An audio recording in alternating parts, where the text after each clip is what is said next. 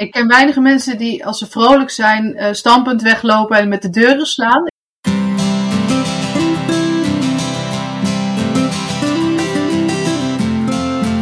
Hoi, welkom bij Schrijfpraat, de podcast. Wij zijn Emmy en Kim en in deze podcast praten wij over schrijven en over alles wat daarbij komt kijken. We spreken boeiende gasten, behandelen interessante onderwerpen en we drinken thee en koffie. En we lachen, dat ook.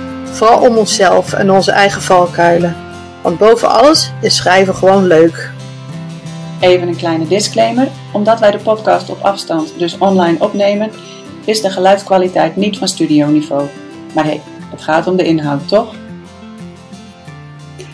Hallo, welkom bij alweer aflevering 60 van Schrijfpraat. 60, aflevering 60, echt 60. En uh, vandaag gaan we het hebben over een van de misschien wel belangrijkste schrijfadviezen die er zijn. En die iedereen kent, maar waar ook iedereen mee worstelt. Namelijk show, don't tell. Maar voordat we het daarover gaan hebben, heb ik eventjes één huishoudelijke mededeling. En het is eigenlijk geen huishoudelijke mededeling, maar het heeft niks met show, don't tell te maken. En daarom noem ik het even zo. Um, ik wil eventjes Geerke bedanken voor de donatie via Petje Af. Dankjewel, daar zijn we heel blij mee. Ja, super lief. Yes, nou, je hoort er al, Kim is er ook weer vandaag. En, uh, uh, en Kim is uh, nou ja, natuurlijk naast dat zij uh, podcast host is tegenwoordig ook gewoon schrijfcoach. En nog heel veel andere dingen. Maar als we het hebben over show don't tell, en daar kan ik inmiddels uit de ervaring over meepraten, dan heeft Kim daar ook wel het een en ander over te zeggen. dus ik denk dat het een heel mooi onderwerp om, is om het vandaag over te hebben, Kim. Wat wil ja. jij erover kwijt? Ja, ik, uh, ik zeg altijd, ik kan de hele avond over praten. Dus uh, laten we beginnen met een uh, hopelijk een half uurtje podcast. Maar mocht het een deel 2 worden, we hebben al van zoveel dingen waar we een deel 2 van kunnen maken. Maar goed, ja, ik zal het proberen niet te langdradig te maken. Maar show don't tell, ja, ik, het is natuurlijk een heel klassieke schrijfregel. Schrijf... Um, ja, richting eigenlijk. En ik denk dat iedereen er wel van gehoord heeft, maar er ook een soort eigen invulling aan geeft, of eigen visie op heeft. Mm -hmm. En ik zie altijd dat er twee delen zijn. Je hebt de klassieke show don't tell. En dat is eigenlijk dat je um, als schrijver, dus als je een scène, scène beschrijft, dat je benoemt wat er aan de hand is. En eigenlijk geef je dan alvast een conclusie over wat de personages of het personage voelt of meemaakt. Mm -hmm. Zonder dat je dat eigenlijk um, stel je staat er gewoon als toeschouwer, dan zou je dat niet automatisch kunnen weten. En een voorbeeld is bijvoorbeeld, uh, hij kijkt nieuwsgierig. Oh ja. En dan kun je wel, je kunt, stel je, jouw man kijkt nieuwsgierig, jij kent jouw man waarschijnlijk goed genoeg om te weten van, oh hij is nu nieuwsgierig. Maar je kunt alsnog niet 100% zeker weten dat hij op dat moment nieuwsgierigheid voelt. En bijvoorbeeld ook, uh, ze is boos. Dat zijn ja in principe conclusies van de schrijver. Waarvan de schrijver die weet natuurlijk wat zijn personages voelen en uh, wat, wat hun eigen emotie is. Maar in principe kun je dat eigenlijk niet weten. En um, dit is zo'n regel. Kijk, het is absoluut niet dat jouw boek meteen um, op, de, op, de, op de stort uh, moet als er staat ze is boos. Maar gek genoeg is als je dus niet zegt ze is boos, maar omschrijft hoe dat eruit ziet, dat je dan uh, de lezer veel meer meekrijgt. Ja. Want de lezer die vindt het helemaal niet fijn om te horen, om verteld te krijgen, dit is de situatie, dit is er aan de hand, neem het maar van mij aan. Die wil zelf beelden zien en dan kunnen concluderen, oh, volgens mij is ze boos. Of, oh, ja hij is nieuwsgierig. En ten eerste voelt de lezer zich dan heel slim. En ten tweede hij het, beleeft hij het zelf. En misschien trekt hij wel de verkeerde conclusie. Misschien bedoel jij als schrijver dat uh, je personage nieuwsgierig is. En denkt de lezer, oh, hij is uh, geïrriteerd door wat hij nu uh, ondervindt. Maar dat maakt in principe niet uit. Want in het dagelijks leven observeer je ook en trek je ook je eigen conclusies. En ga je met die emotie zelf verder. Ja, dus um, ik had bijvoorbeeld op een bepaald moment in mijn uh, manuscript geschreven: uh, Janne loopt boos weg. Ja. En toen ik het ging herschrijven, dacht ik: Oh, dit is uh, echt zo'n typisch gevalletje tel in plaats van show, Emmy. Ehm, en toen heb ik, ik weet niet meer precies zo, want ik kon het niet meer terugvinden. Maar toen heb ik er iets van gemaakt van Janne stamt de kamer uit, kijkt niet meer om en slaat de deur met een klap dicht. Dus dat is wat jij bedoelt, toch? Dat je een beetje omschrijft wat er gebeurt, zodat je zelf kan denken: oh wacht, waarschijnlijk is ze boos. Ja. Loopt de boos de kamer uit, ja. Ik ken weinige mensen die, als ze vrolijk zijn, uh, stampend weglopen en met de deuren slaan. Die zul je vast ook hebben. Maar ik, ik vind het inderdaad logische handelingen die bij boos, uh, boos zijn horen. En ja. Uh, ja, het is natuurlijk, je wil natuurlijk ook weer niet op elke bladzijde iemand de hele tijd stampvoetend weg laten lopen. Als nee. er nou eenmaal een boos persoon is. Dus het is soms een beetje zoeken naar alternatieven voor het stampvoeten of het slaan met de deuren. Um, en volgens mij is het ook niet erg om af en toe gewoon wel te tellen, toch? Ik bedoel, het, ja, jij, jij roept ook altijd, je moet vooral afwisselen. Uh, ja. Dan weet ik niet of dat hier ook zo geldt, maar ik denk soms is het ook gewoon veel nuttiger of praktischer. Bijvoorbeeld als het over een personage gaat wat eigenlijk helemaal niet zo belangrijk is, dan is het minder uh, erg als je gewoon even zegt van zo is het. Ja, ik, ik ben zelf geen fan van, omdat ik dan nog steeds denk van, maar hoe uitzicht het dan? Maar het is zeker waar wat je zegt. Kijk, als je, je wil niet iemand die voortdurend aan stampvoeten is, want dan, dan, dan krijgt de lezer een andere conclusie. En, um, de, en als je een beetje door je alternatieven heen bent en het wordt ge, te gekunsteld en um, dus Janne trekt woede, trekt, nee, woede, het mag ook niet. Janne trekt de haren uit haar hoofd. Ja, dan wordt het een beetje een soort cartoon. En dat wil je ook niet. Um, maar je kunt het bijvoorbeeld ook oplossen door haar op een gegeven moment te zeggen: Ik ben hier zo boos over. Dus door het haar zelf te laten zeggen. Dat kan wel. Want dat is volgens mij wel een van de oplossingen ook om meer show toe te voegen aan je, aan je verhaal door dialogen in te voeren. Hè? Dat kan. Ja, al wil je ook dat niet te veel doen, dat ze voortdurend nee. benoemen wat ze voelen, dan, dan heb je als lezer nog steeds niet het idee dat je het zelf geconcludeerd hebt.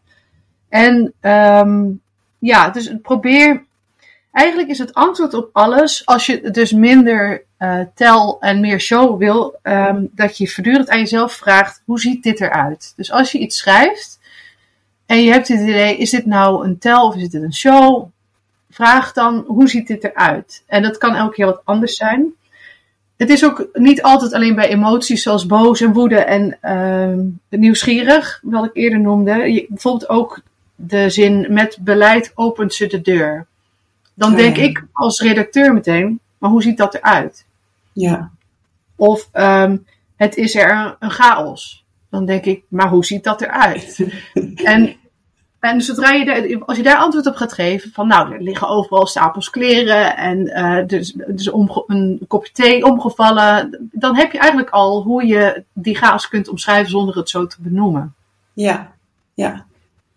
Dus je hebt zeg maar emoties die je kunt uh, showen in plaats van tellen. Maar je hebt dus ook omgevingsdingen, die, uh, omgevingsfactoren die je kunt showen in plaats van tellen.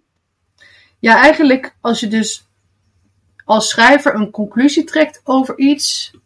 Um, wat niet een duidelijk beeld meteen. Ja, een chaos is misschien wel een beeld, maar je kunt een chaos in je kledingkast hebben, maar je kunt ook een chaos op de Titanic hebben. En dat zijn natuurlijk twee ja. verschillende chaossen. Dus, dus het is ja. te vaag begrip. Bovendien is mijn chaos ook niet jouw chaos misschien. Nee, precies. En um, je kunt het een beetje.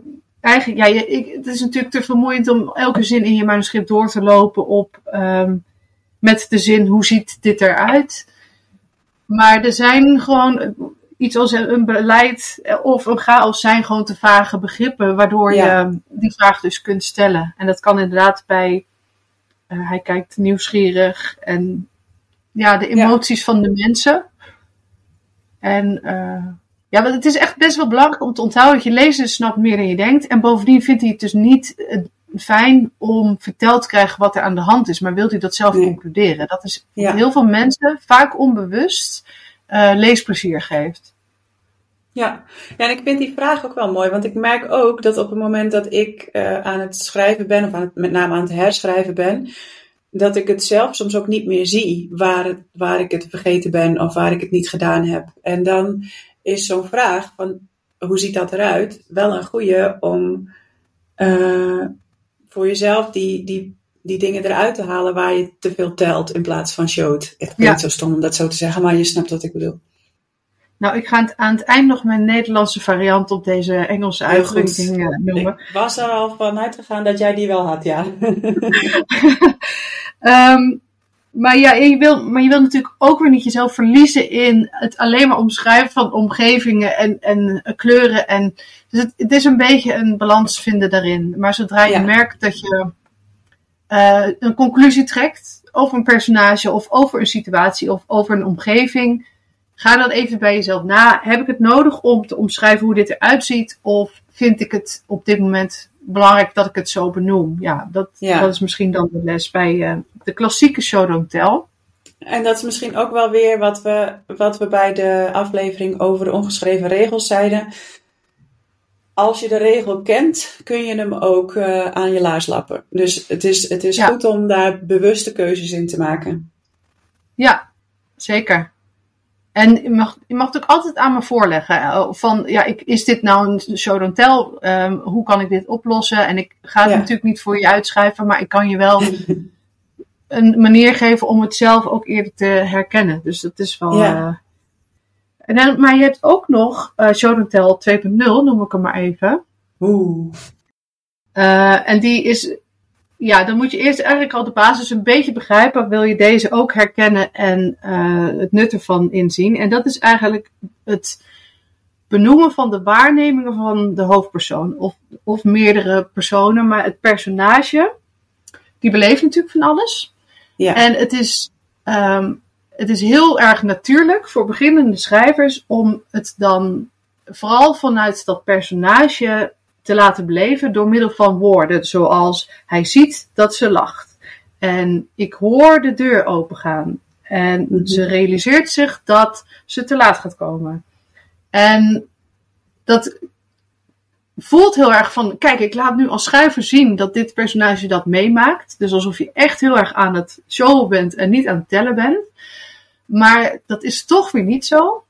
Omdat ehm, als jij kiest voor één personage, dan zit dus de lezer al bij de beleving van dit personage. En Mhm. zeker bij de ik zit, krijg je al alles mee wat de ik denkt en voelt en zegt. Maar voor die ik is het op dat moment niet. eh, die is zich niet bewust van zijn waarnemingen. Die is niet bezig met ik hoor de deur opengaan. Dat is gewoon een feit. Dus als je Ja. al die waarnemingen brengt als feiten, breng je het gek genoeg dichterbij dan wanneer je die waarneming noemt. Dus even weer terug naar mijn voorbeelden van net. Hij ziet dat ze lacht. Ook al is hij het personage en hij maakt het mee. Als je dan zegt ze lacht, in plaats van hij ziet dat ze lacht, breng je het gek genoeg meer dichter bij de beleving van, Ja. van de lezer zelf. Dan dat je benoemt dat hij dat meemaakt. En dus ook, Ja. ik hoor de deur opengaan. Dan zeg je gewoon, de deur gaat open. Want dat ik dat hoort, dat blijkt al uit de context. Dus Ja. alles, al die feiten, al die dingen die gebeuren, dat is al de beleving van de ik. Ja, dat is wel een goeie. En dat is ook eh, waar ik eh, de mist in ging. Of de mist in ging, maar waar, wat ik eh, zelf er nu heel veel uithaal inderdaad. Ik denk, oh ja, Ja. Dat, is, dat hoeft helemaal niet. Dat is dan weer, dan wil je showen, maar dan, Ja. dan, dan is het eigenlijk op een moment of op een plek of in een situatie waar het, waar het eigenlijk helemaal niet past. Of waar het niet, Ja, maar ik snap wel de- hoe je dan denkt. Want je wil wel dat de lezer begrijpt dat jouw hoofdpersoon het allemaal meemaakt. ja. Eh, Maar dat is al logisch, want het, het is al wat de hoofdpersoon meemaakt, wat je schrijft. Ja. ik, ik, zit al, ik heb al het gevoel dat ik in haar hoofd zit. Want ik zie ook in de meeste gevallen haar gedachten. En eh, ja, ik heb hier nog een staan. Bijvoorbeeld, eh, ik voel, dat is een heel belangrijk. Ik voel, zeggen even heel veel schrijvers. Ik voel de vloer trillen. Ehm, dat die vloer trilt, dat, dat is zo. Ja, het kan zijn dat ik het fantaseert of zo, of dat het, eh, dat, dat het niet waar is. Maar dat maakt niet uit, want het is allemaal de waarneming van de ik sowieso al. Ja. Dus de vloer trilt, brengt mij als lezer helemaal in het hoofd van de ik. Terwijl als je zegt, Ja. ik voel de vloer trillen, die ik is helemaal niet bezig met, oh, wat voel ik op dit moment? Voor die ik is het de waarheid. Ja. Ja, het voelt inderdaad. het voelt meer inderdaad. het voelt inderdaad dan afstandelijker of zo. Alsof het nog weer over iemand anders gaat.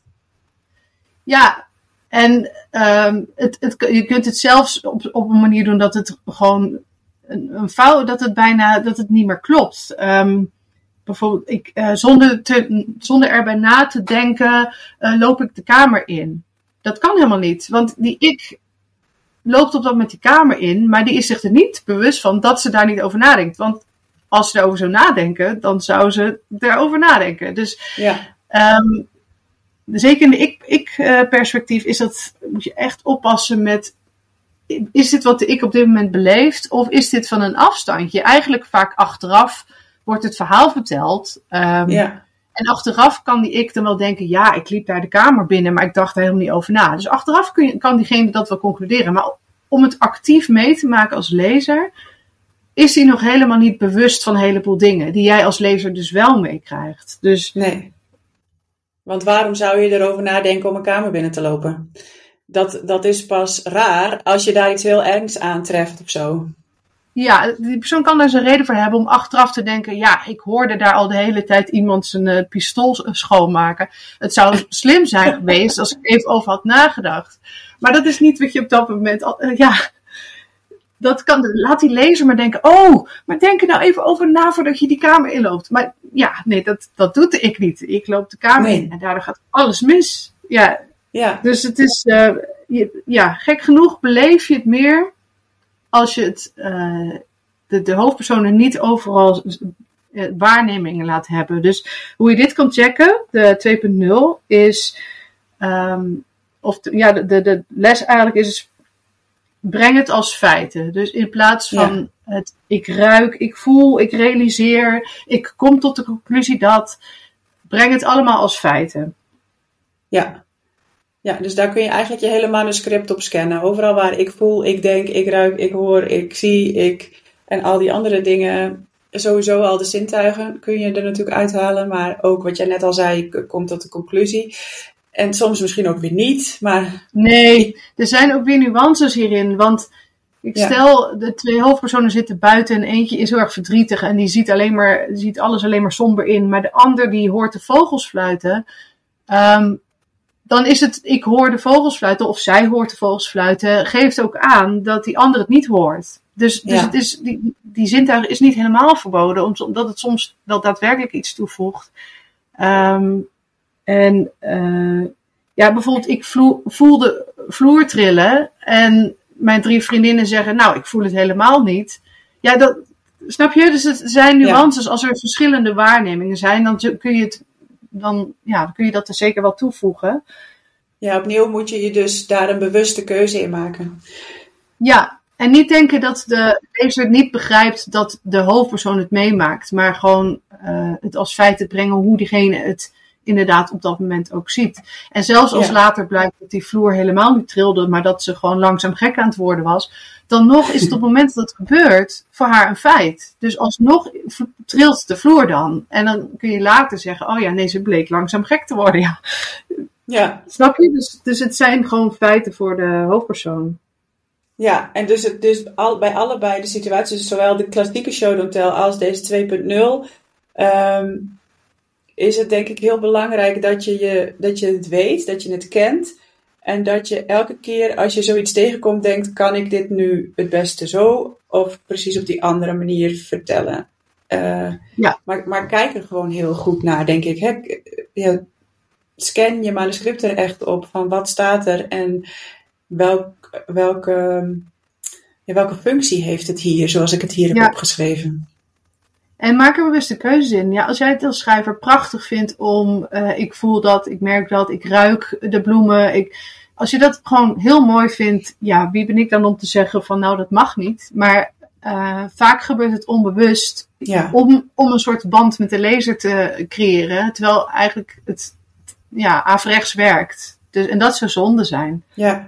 ja, ik denk dat het bij mij onbewust, nou misschien ook wel een soort van bewust gaat. Omdat je dan weet van ik moet show don't tell toepassen. Uh, dus laat ik dat hier maar eens even gaan doen en dan het op die manier oplossen. Terwijl dat dus eigenlijk dan helemaal niet de oplossing is. Nee, nou, want zelfs uh, de, de rozen ruiken naar. Nou, ik weet even niks. Waar ruiken rozen naar rozen? Naar rozen. En, en dat staat in een stukje van de hoofdpersoon. Dan weet je dus, oh ja, zij ruikt nu rozen. En dan ruik je het zelf misschien ook wel mee, omdat je in dat verhaal zit. Terwijl uh, zij ruikt de geur van rozen, dan, is het, dan neem, moet ik dat maar als lezer aannemen. Van, oh ja, ja. oké, dat is dan zo. Ja, dat wordt mij verteld dat dat zo is. En, ja. ja, dus dat is wel een van de belangrijkste dingen van Show Don't Tell, denk ik. Wat, wat ik jou nu hoor zeggen is dat je de lezer zijn, eigen, zijn of haar eigen conclusies moet laten trekken. In plaats van dat voor hem of haar te doen. Omdat je anders de hele tijd denkt: oh, oké, ja, nou, oké. Ja, dan uh, ten eerste voelen ze zich dan soms een beetje uh, betutteld. Ja. En ze, ze, maken, ze leven ook minder mee als ze verteld krijgen: het is een chaos. Nou ja, dan moet ik dan maar aannemen. Ja, ik weet niet of wat ik nu voor me zie als chaos, of dat dan klopt, maar ja, daar moet ik dan maar van uitgaan. Dus het schept eigenlijk een afstand. Ja, ja en ik vraag me af of, of ik als lezer dan echt mezelf dat soort dingen ga afvragen, maar dat, dat zal waarschijnlijk onbewust heel erg gaan, dat je, dat je daar minder in meegaat. Ik kan me niet herinneren dat ik een boek las en dat ik dacht, is dat chaos? En dat ik dacht, nou, hoe zou dat er nou uitzien? Maar wel waarschijnlijk dat je, als dat vaker gebeurt, dat je dan minder zin hebt om dat boek verder te lezen of zo. Omdat het dan toch. Het gaat iets minder leven. En ja. het, het, is eerder andersom. Dat als je dus niet het benoemt als chaos, maar een ontplofte slaapkamer beschrijft, dat jij als lezer er zo in meegaat dat je dat, dat boek sneller weer zal oppakken. Dus het, ja, dus het zal misschien niet zo snel op de irritatie zitten als je het niet doet, maar het blijft beter hangen als je het wel uh, beeldig omschrijft. Ja, en weet jij ook, want um, hoe, hoe uitgevers hier, uh, want, want je hebt ook bij de, de aflevering over de ongeschreven regels bijvoorbeeld een paar keer gezegd van ja, het is niet dat als je dit um, niet doet, dat een uitgever dan zegt zo, nou hier kunnen we helemaal niks mee. Is dat met Show Don't Tell, zoals we het er nu over hebben, wel zo? Dat als ze daar, nou, als je dat niet goed doet of te weinig doet, of dat ze daar wel over vallen? Ik, het zal per uitgever wel verschillend zijn. Um, Maar ik heb nog geen. Bij alle uitgevers waar ik voor heb gewerkt als redacteur. Is het wel echt het eerste wat opvalt als er dingen, dingen staan zoals hij kijkt nieuwsgierig en uh, ze is boos. Dat ze dan al snel denken: ah, oké, nou ja. Het, het kan een bewuste keuze van je zijn of niet, maar de meesten houden er gewoon echt niet zo van. Nee. Dus het is ja, er zullen echt uitzonderingen zijn. Ik kan me ook voorstellen dat bijvoorbeeld in bepaalde genres het meer het belangrijke is dan in, uh, in, in een roman. Dus in literatuur is, ja, is het eigenlijk gewoon echt nat dan om de hele tijd te benoemen wat iedereen voelt. Nee. Um, zonder dat te laten zien. Terwijl in feelgood of in horror of ik kan me voorstellen dat dat misschien dat ze daar minder op selecteren. Dat weet ik niet precies. Hm. Uh, maar alsnog vind ik zelf dat in Feel Good um, ik wil ook in die romance meegaan. En dat zal ik eerder doen als ik het meeleef doordat ik de beelden zie, dan dat iemand mij vertelt: Piet en Marie zijn nu verliefd. Dan denk ik, ja, oké, okay, dat moet ik dan maar van je aannemen. Maar ik, ik voel het niet. Dus ik krijg gewoon de mededeling dat ze verliefd zijn, ja. ja. Dus alsnog zou ik het wel proberen toe te passen als schrijver, van welk genre dan ook. Het is ook. Um elke keer als ik weer zo'n soort herschrijfronde heb waarop ik op deze dingen let, dan denk ik ook elke keer als ik dan. Want het is, ik vind het ook lastig, want dan, dan heb ik uh, een zin waarvan ik zie. Oké, deze moet ik anders beschrijven, want uh, ik doe hier te veel tel in plaats van show. En dan zit ik echt uh, soms een half uur met mijn handen in mijn haar van, oh god, hoe ga ik dit nou eens goed omschrijven? Want hoe omschrijf je iemand die nieuwsgierig is? Um, maar als ik het dan gevonden heb, dan kan ik ook echt zo'n feestje in mijn eentje vieren. Waar ik denk, yes, dit is het. En hier is het echt weer beter van geworden of zo. Ja. Nou, we weten nu in ieder geval wel hoe we onzekerheid of frustratie moeten omschrijven. Emmy zit met haar handen in het haar. Ja. Dus, maar goed, ook daarbij kan je dus inderdaad van, je kunt dat opvatten als frustratie, je kunt het opvatten als onzekerheid. Dus alsnog, je hebt er geen 100% macht over wat jouw lezer zal concluderen. Maar dat is ook niet erg. Want als ik in de tram sta en iemand uh, is heel hard in zichzelf aan het praten, dan kan ik concluderen, oh die man is verward. Maar misschien dat een andere reiziger denkt, oh die, die man die, die zoekt contact en die, die is eenzaam. Dus alsnog kan iedereen een andere conclusie hebben. En dat is ook niet erg, want het is in het dagelijks leven ook zo. Zolang het maar een soort consistent is voor het personage en het past in het verhaal. Ja, en ik denk sowieso doet iedereen met je verhaal wat, wat past bij zijn eigen belevingswereld en Ja, ervaringen. En, dus ja, dat, dat voorkom je toch niet. Ehm, Nee. Maar je wil wel voorkomen dat er heel veel misverstanden ontstaan, omdat jij zegt dat het een chaos is op de Titanic en dat iemand dan denkt dat er alleen maar heel veel dozen staan, terwijl jij bedoelt dat er heel veel mensen door elkaar heen lopen omdat ze niet weten waar ze naartoe moeten, omdat het schip aan het zinken is. Ja, nee, klopt. En het is, ik kreeg laatst eh, een, een vraag van, van iemand van wie ik zijn manuscript eh, redigeer. En die zei, ja, maar ik ben zo bang dat ze het anders opvatten dan ik bedoel. Maar daar, daar heb je dus niet, geen controle over. Nee. De een zal nog steeds denken, oh, wat een sympathiek personage. En de ander zal nog steeds denken, oh, wat een zeur. Ja, En dat, zolang jij het verhaal maar vertelt hoe jij het wil vertellen, dan kom je ook wel uit op het punt wat, hoe je wil dat het overkomt. Maar dan, alsnog zal iedereen het net iets anders weer opvatten. En dat is helemaal niet erg. nee, nee, precies. Ehm, maar wilde jij nog meer vertellen over Show Don't Tell? Nee, ik heb wel dus, ik heb eh, een, een soort, ik had een soort kleine prijsvraag van hoe ik het dan in het Nederlands wil noemen. Daar waren Ja. de meningen nogal over verdeeld. En bovendien hadden ook een heleboel mensen behoefte om er zelf nieuwe input bij te geven. Ehm, hartelijk dank daarvoor iedereen. Ehm, maar degene die denk ik het populairst was en die ik zelf ook meest de lading vind dekken, is eh, niet beweren, maar demonstreren. Oh, Dus, dus je moet niet beweren dat iemand boos is. Je moet het laten zien. En iemand zei wel, ja, maar demonstreren kan ook betekenen actie voeren. Goed Ja. punt.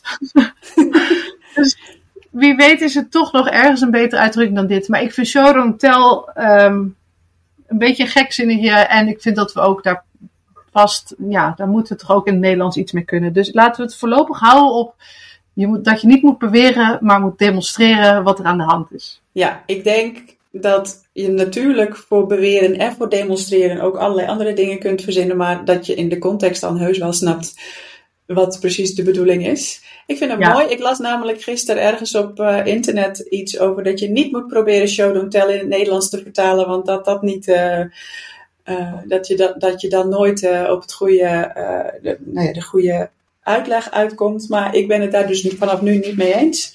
Want ik Ja. vind dit echt een mooie. Ja, ik, ik weet niet wie dat geschreven heeft. En dan denk ik, nou, doe eens iets meer je best. Je kan Ja, toch wel met woorden, je bent toch een schrijver. En eh, iemand vroeg me ook, waar- waarom moet het dan rijmen? niet proberen, maar demonstreren. Want allemaal anderen ruimden ook. Ja, omdat, eh, omdat je het dan beter onthoudt. Dus een soort ezelsbruggetje. Ja, en het Ja. is al, natuurlijk al wat langer dan Show Don't Tell. Dat, daar is het lek- lekker kort, zeg maar. Dus, Ja. dus dan is er wel iets anders nodig om, het, eh, om te zorgen dat het blijft hangen. Nou, ik vind het mooi. Dus eigenlijk moeten we deze aflevering niet eh, Show Don't Tell noemen, maar eh, niet beweren, maar demonstreren. Maar dat zal ik niet doen, want dan geven we meteen eh, het slot van de aflevering weg. Ehm, Ja, dan begrijpt ook niemand waar we het over hebben. En dan Nee, gaan ze allemaal precies. met hun spandoeken op de... gaan ze demonstreren, dus doe dat maar niet. Nee, helemaal goed. Oké, nou, dan sluiten we hem hierbij af, denk ik. Ehm, Ja. Wie weet eh, doen we er nog eens een keer een andere aflevering over, want er is eh, genoeg te vertellen over dit onderwerp. Mocht je er nou Ja. nog vragen over hebben of eh, loop je zelf tegen dingen aan waarvan je denkt, oh, ik weet echt niet ehm, hoe ik dat nou weer moet aanpakken, laat het ons vooral weten. Zeker. Ehm, nou, in ieder geval dan voor nu tot volgende week. Yes. Tot de volgende. Superleuk dat je weer geluisterd hebt. Luister jij graag naar Schrijfpraat en wil je ons helpen de podcast te blijven maken? Dan kun je doneren via petjeaf.com schrijfpraat. Je vindt de link ook in de show notes. Met een review of een beoordeling op iTunes of Spotify help je ons hoger in de lijsten te komen en help je nieuwe luisteraars om ons te vinden. Deel de podcast ook gerust in je netwerk of op social media en tag ons dan even. Wij vinden het fantastisch om te weten wie er luistert. Heb je vragen of is er een onderwerp waar jij onze mening of ervaringen over wilt horen? Of is er iemand die jij graag als gast in Schrijfpraat zou horen? Laat het ons dan weten. Bijvoorbeeld via Instagram. Kim-Linsen-auteur en Emmy de Vries.